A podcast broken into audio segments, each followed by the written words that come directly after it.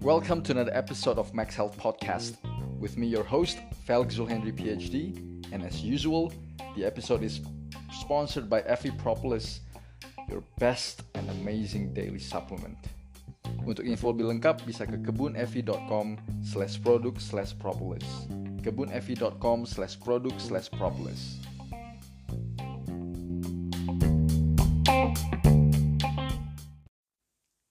Nah di episode kali ini uh, eh, gue mau ngebahas soal tentang uh, gimana nutritional deficiency, gimana kondisi nutrisi di badan kita itu berpengaruh terhadap our mental health dan our brain health.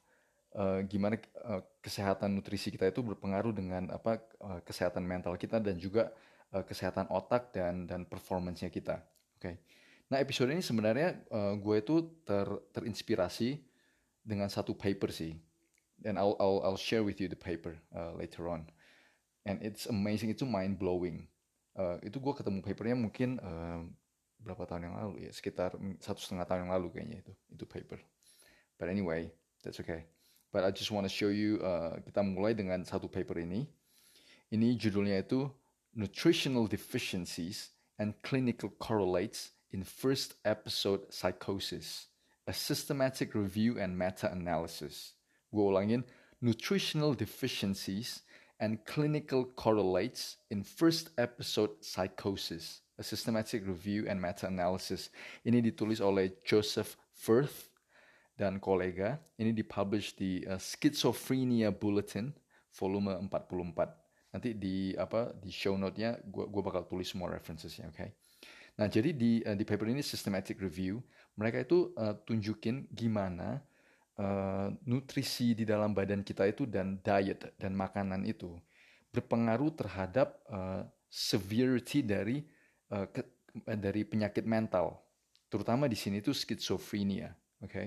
it's amazing jadi kadang kita itu mengunderestimasi uh, gimana makanan kita itu berpengaruh terhadap kesehatan mental kita sih ini ini maksudnya orang yang a lot of people don't know uh, bahwa Eh, kondisi optimum badan kita itu sangat berpengaruh terhadap uh, kesehatan mental kita sih. Terutama teman-teman kalau yang merasa kayak depresi, agak sedikit apa, agak sedikit moody, ada ada sedikit mood swing. Trust me, mungkin yang pertama yang teman-teman harus lakuin itu adalah memperbaiki gaya hidup teman-teman sih dari sisi makanan dan dari sisi uh, dari sisi supplementing.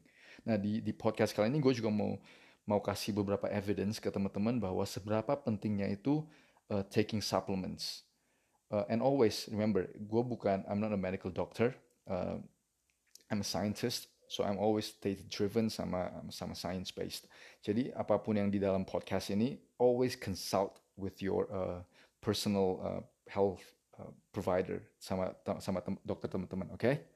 nah jadi di paper ini ini ditunjukin gimana defisiensi di vitamin D dan folic acid folate uh, itu vitamin B ya uh, fol itu gue lupa vitamin B berapa tapi salah satu vitamin B uh, mereka tuh ngelihat gimana uh, defisiensi di dalam vitamin-vitamin itu mempengaruhi uh, onset skizofrenia dan uh, dan gejala dan keparahan gejala-gejalanya. Oke, okay, you should read uh, this paper. Oke, okay, itu itu paper pertama yang gue mau share. Uh, paper kedua yang gue mau share itu ini depressive symptoms in obesity relative contribution of low-grade inflammation and metabolic health. Oke, okay, gue ulangin. Depressive symptoms in obesity, relative contribution of low-grade inflammation and metabolic health. Jadi ini mereka ngelihat gimana uh, orang-orang yang ada uh, ada penyakit depresi, ada ada gejala depresi uh, di pasien-pasien uh, yang memiliki uh, obesitas. Dan itu mereka lihat gimana antara hubungan uh, low grade inflammation uh, inflamasi di dalam uh, pasien yang obesitas itu terhadap gejala-gejala uh, uh, depresinya, gejala-gejala depresi, okay? And you should read uh, and you should, you should you should check this out as well. Jadi ini ditulis oleh Ines Delgado dan kolega. Ini dipublish di Psycho Psycho Neuroendocrinology volume 91. Again, I'll I'll I'll I'll, uh, I'll put in the show note. Nah, yang ke Nah ini paper yang ketiga yang gue mau share ini, ini yang yang yang betul-betul uh, merubah dan gue betul-betul uh, kasih anak gue sih terutama uh, anak gue itu supplements dan gue pastiin bahwa dia itu makan makanan yang sehat dan supplements. Nah ini uh, judul papernya itu Influence of Supplementary Vitamins, Minerals, and Essential Fatty Acids on the Antisocial Behavior of Young Adult Prisoners. Gue ulangin, influence of supplementary vitamins, minerals, and essential fatty acids on the antisocial behavior of young adult prisoners. Ini di uh, dipublish ini paper tahun 2022 dipublish di jurnal yang namanya The British Journal of Psychiatry volume 181. Ini dipublish di The British Journal of Psychiatry volume 181. Nah, ini paper yang gue yang tadi di intro gue gue uh, jelasin yang betul-betul merubah gimana cara gue itu uh, apa dari sisi kesehatan fisik anak gue itu gue gue betul-betul perhatiin terutama dari sisi makanan dan juga supplements, oke. Okay? Jadi ini paper uh, ngeliat gimana suplemen multivitamins, minerals dan juga uh, omega 3 ke uh, apa ke prisoners ke apa anak-anak yang dipenjara eh, anak-anak young adults terutama apa remaja-remaja yang dipenjara di kalau nggak salah di di Netherlands di di apa di Belanda. Jadi mereka itu tunjukin uh, apa prisoners itu ini yang adults ya apa remaja-remaja yang dipenjara itu. Waktu mereka itu kasih uh, supplements uh, vitamins minerals and uh, uh, essential uh, fatty acids terutama omega 3 itu antisocial behaviornya itu turun 26,3% sampai 35%. Itu reduction in offenses. Jadi kalau seandainya itu uh, antisocial behavior di di apa di remaja di uh, remaja-remaja itu, it's amazing. Bayangin nggak? Itu antisocial behaviors in prisons termasuk violence, termasuk apa uh, pelanggaran-pelanggaran yang kekerasan di dalam penjara itu turun 26,3 sampai 35 persen dengan memberikan supplements. Dan ini ini randomized control trials ya. Jadi satu grup itu dikasih placebo, satu grup itu dikasih multivitamins and minerals. Dan itu mereka ngeliat bahwa di grup yang dikasih multivitamins and minerals itu uh, antisocial behaviornya itu turun drastis dibanding dengan grup yang yang cuma dikasih placebo. Nah, ini paper tahun 2002, tahun 2002. Ini yang betul-betul membuka mata gua bahwa oh man, ternyata ternyata what we eat and our nutritional uh, our nutritional uh, apa itu status itu mempengaruhi uh, apa mempengaruhi behaviornya kita. Dulu gue ingat sekali sih uh, beberapa waktu lalu gue juga agak sedikit depressed. Jujur aja maksudnya gue agak sedikit apa gampang sekali teriritasi. Gue agak sedikit ada mood swing ada itu. And since I I I've been very disciplined gue disiplin makan uh, semua semua multivitamins dan minerals yang yang gue yang gue itu. Jadi uh, disclaimer apa yang gue makan? Gue makan uh, multivitamin minerals complete. Gue nggak usah sebutin mereknya lah ya tapi uh, produk luar sih oke? Okay? gue makan multivitamins complete. Gue makan uh, magnesium taurate sekitar sekitar 200 sampai 400 mg per hari. Gue makan propolis gue regularly pagi siang malam uh, propolis. Dan juga gue makan uh, omega 3 uh, supplements. Oke, okay? jadi itu supplements yang gue makan. And I feel so much better. Maksudnya mungkin ini anecdote dan juga mungkin ada bias apa user bias dari gue. Oke, okay? tapi I feel so so much better. Uh, my sleep is better. Gue gua nggak gampang emosian. Gue itu lebih lebih alert dalam ngerjain sesuatu. But yeah, you should you should definitely uh, kalau teman-teman punya agak sedikit uh, depressed, agak sedikit ada mood swing, coba ubah sedikit uh, pola hidup teman-teman, kurangin semua yang gula-gula, yang carbs, mie, nasi itu just cut it down. Uh, banyakin sayur, protein, maksudnya healthy protein ya kayak ayam, uh, beef, uh, fish, terutama fish. Okay? banyakin sayuran yang high fiber? Okay? It's gonna help you guys a lot. Oke, okay, itu paper yang betul-betul merubah merubah mindsetnya gue. Oke, okay? yang yang keempat gue mau share juga tentang beberapa paper lagi supaya teman-teman itu agak sedikit apa convinced bahwa lifestyle itu mempengaruhi your your mental state, uh, kesehatan mental kita. Oke, okay? Ini vitamin D and depression, a systematic review and meta-analysis comparing studies with and without biological flaws. Oke, ini dipublish oleh ditulis oleh Simon Spedding di University of South Australia. Ini dipublish di Nutrients Journal Nutrients 2014. Jadi itu mereka uh, jadi dia itu uh, menganalisa 15 randomized control trials di human clinical trials tentang kegunaan uh, vitamin D dalam menurunkan insiden depresi. Jadi apa itu hasilnya? Jadi itu mereka uh, dia itu lihat bahwa supplementation of vitamin D di atas 800 international uh, units daily itu bisa menurunkan depresinya kita. Ada sedikit level uh, depresi yang diturunin uh, dengan vitamin D supplementation di atas 800 international unit daily. Um, disclaimer, gue makan 5000 international unit daily. Oke, okay? gue makan itu 5000 international unit daily. Itu yang gue makan untuk vitamin D. Tapi always check with your medical provider. Okay? your uh, medical providers please. Nah yang ketiga, nah ini yang kelima, paper yang kelima, gue juga ini menurut gue juga sangat-sangat penting sih. Udah banyak studies yang tunjukin rasio antara omega 3 dengan omega 6 di dalam darah kita itu berpengaruh terhadap our metabolic health, oke? Okay?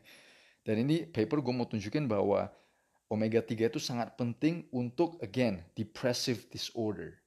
Nih, gue tunjukin. Omega 3 fatty acids modulate symptoms of depressive disorder. Serum levels of omega 3 fatty acids and omega 6 fatty acids to omega 3 ratio in children. A randomized control trial. Lagi-lagi ini di anak-anak. Oke, okay? remember di anak-anak. Makanya gue gue kasih anak gue itu uh, omega 3 supplementation juga oke okay? karena kita gue kan hidup di gunung jadi kadang kita susah dapat ikan tapi gue sebisa mungkin kasih uh, anak gue itu makan ikan banyak istri juga sering beli ikan uh, waktu kita bolak balik Medan juga kita beli ikan tapi supplementation uh, omega 3 itu juga very very important oke okay? itu juga bagus sekali untuk perkembangan otak sih ya nah ini khusus dia ngelihat gimana di depressive disorder itu di anak-anak. Bayangin nggak di anak-anak, oke? Okay? Jadi ada 60 anak-anak ini dibagi dua grup, satu omega 3, satu lagi omega 6. Jadi terus uh, mereka itu dilihat dari dari ratings yang yang udah standardized, oke? Okay? Namanya Children's Depression Inventory. Inventory ratings. Children's Depression Inventory ratings were performed at the baseline, ada di awal pemulaan eksperimen, terus setiap dua minggu sampai 12 minggu. Oke. Okay? Jadi itu mereka melihat bahwa significant reduction di children's depression inventory rating di anak-anak yang dikasih omega 3 dibanding sama yang dikasih omega 6. Oke. Okay?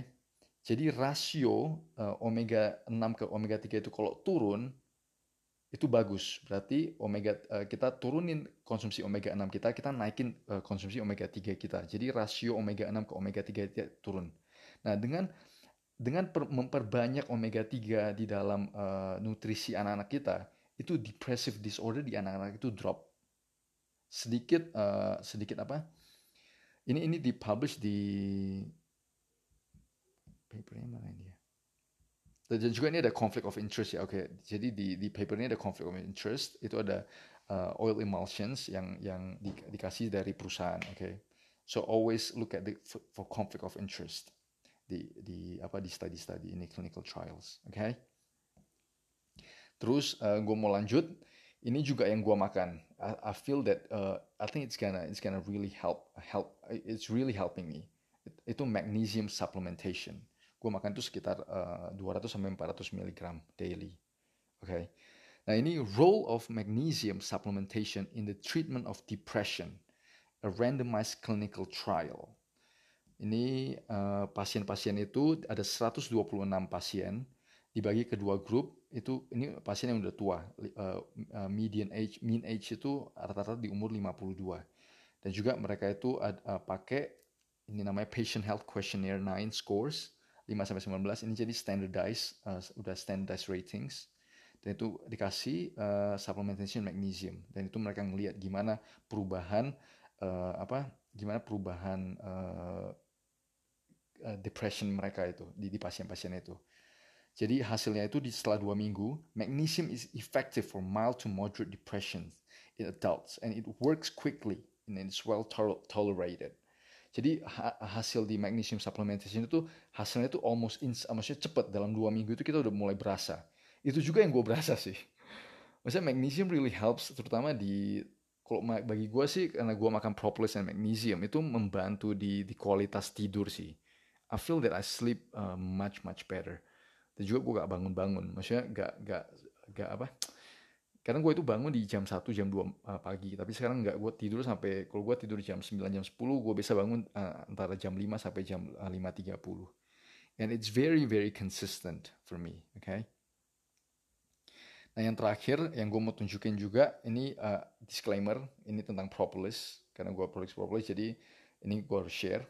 Ini dipublish di Evidence Based Complementary and Alternative Medicine uh, jurnalnya. Ini judulnya cognitive improvement and safety assessment of a dietary supplement containing propolis extract in elderly Japanese.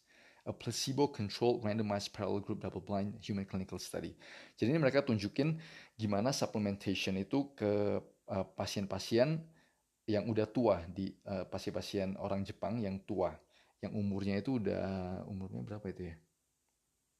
Let me check the median age.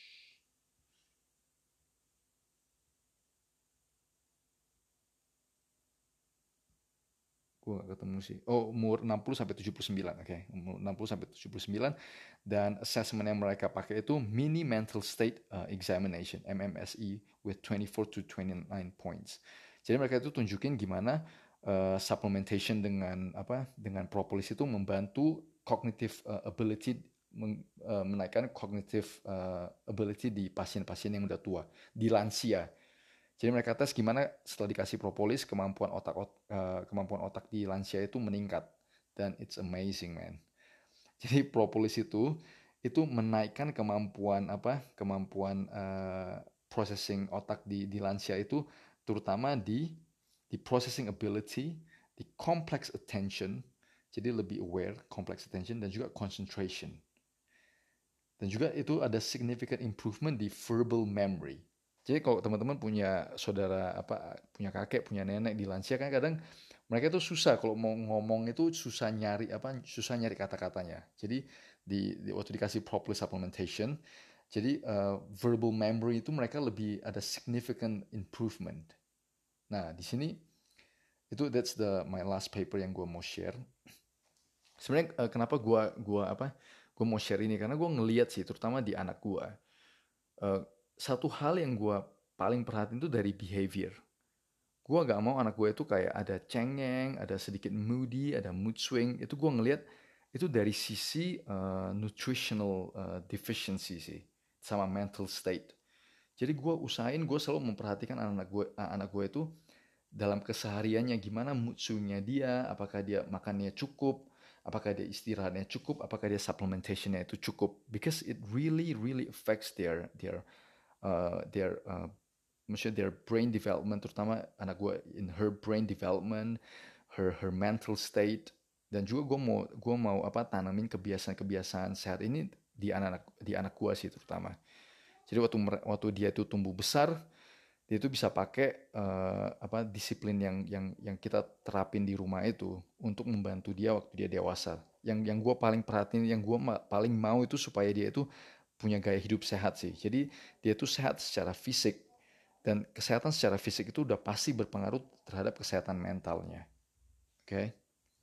Jadi uh, hopefully di podcast ini uh, eh, gue bisa share sedikit information dan juga teman-teman feel free look for uh, competing evidence yang yang yang gue kasih. Jadi ini kan gue kasih yang yang supporting supplementation untuk mental health dan juga yang tunjukin bahwa nutritional deficiencies itu berpengaruh terhadap uh, mental state-nya kita sama kesehatan jiwanya kita. Nah, jadi teman-teman itu feel free ke Google Scholar, ke PubMed, ke Scopus untuk cari competing evidence. And always look for a balancing evidence. Jadi teman-teman itu bisa ambil informed decision, oke? Okay? Untuk um, memperbaiki gaya hidup teman-teman, untuk membantu kesehatan teman-teman dari secara fisik dan juga dari secara mental. Oke? Okay?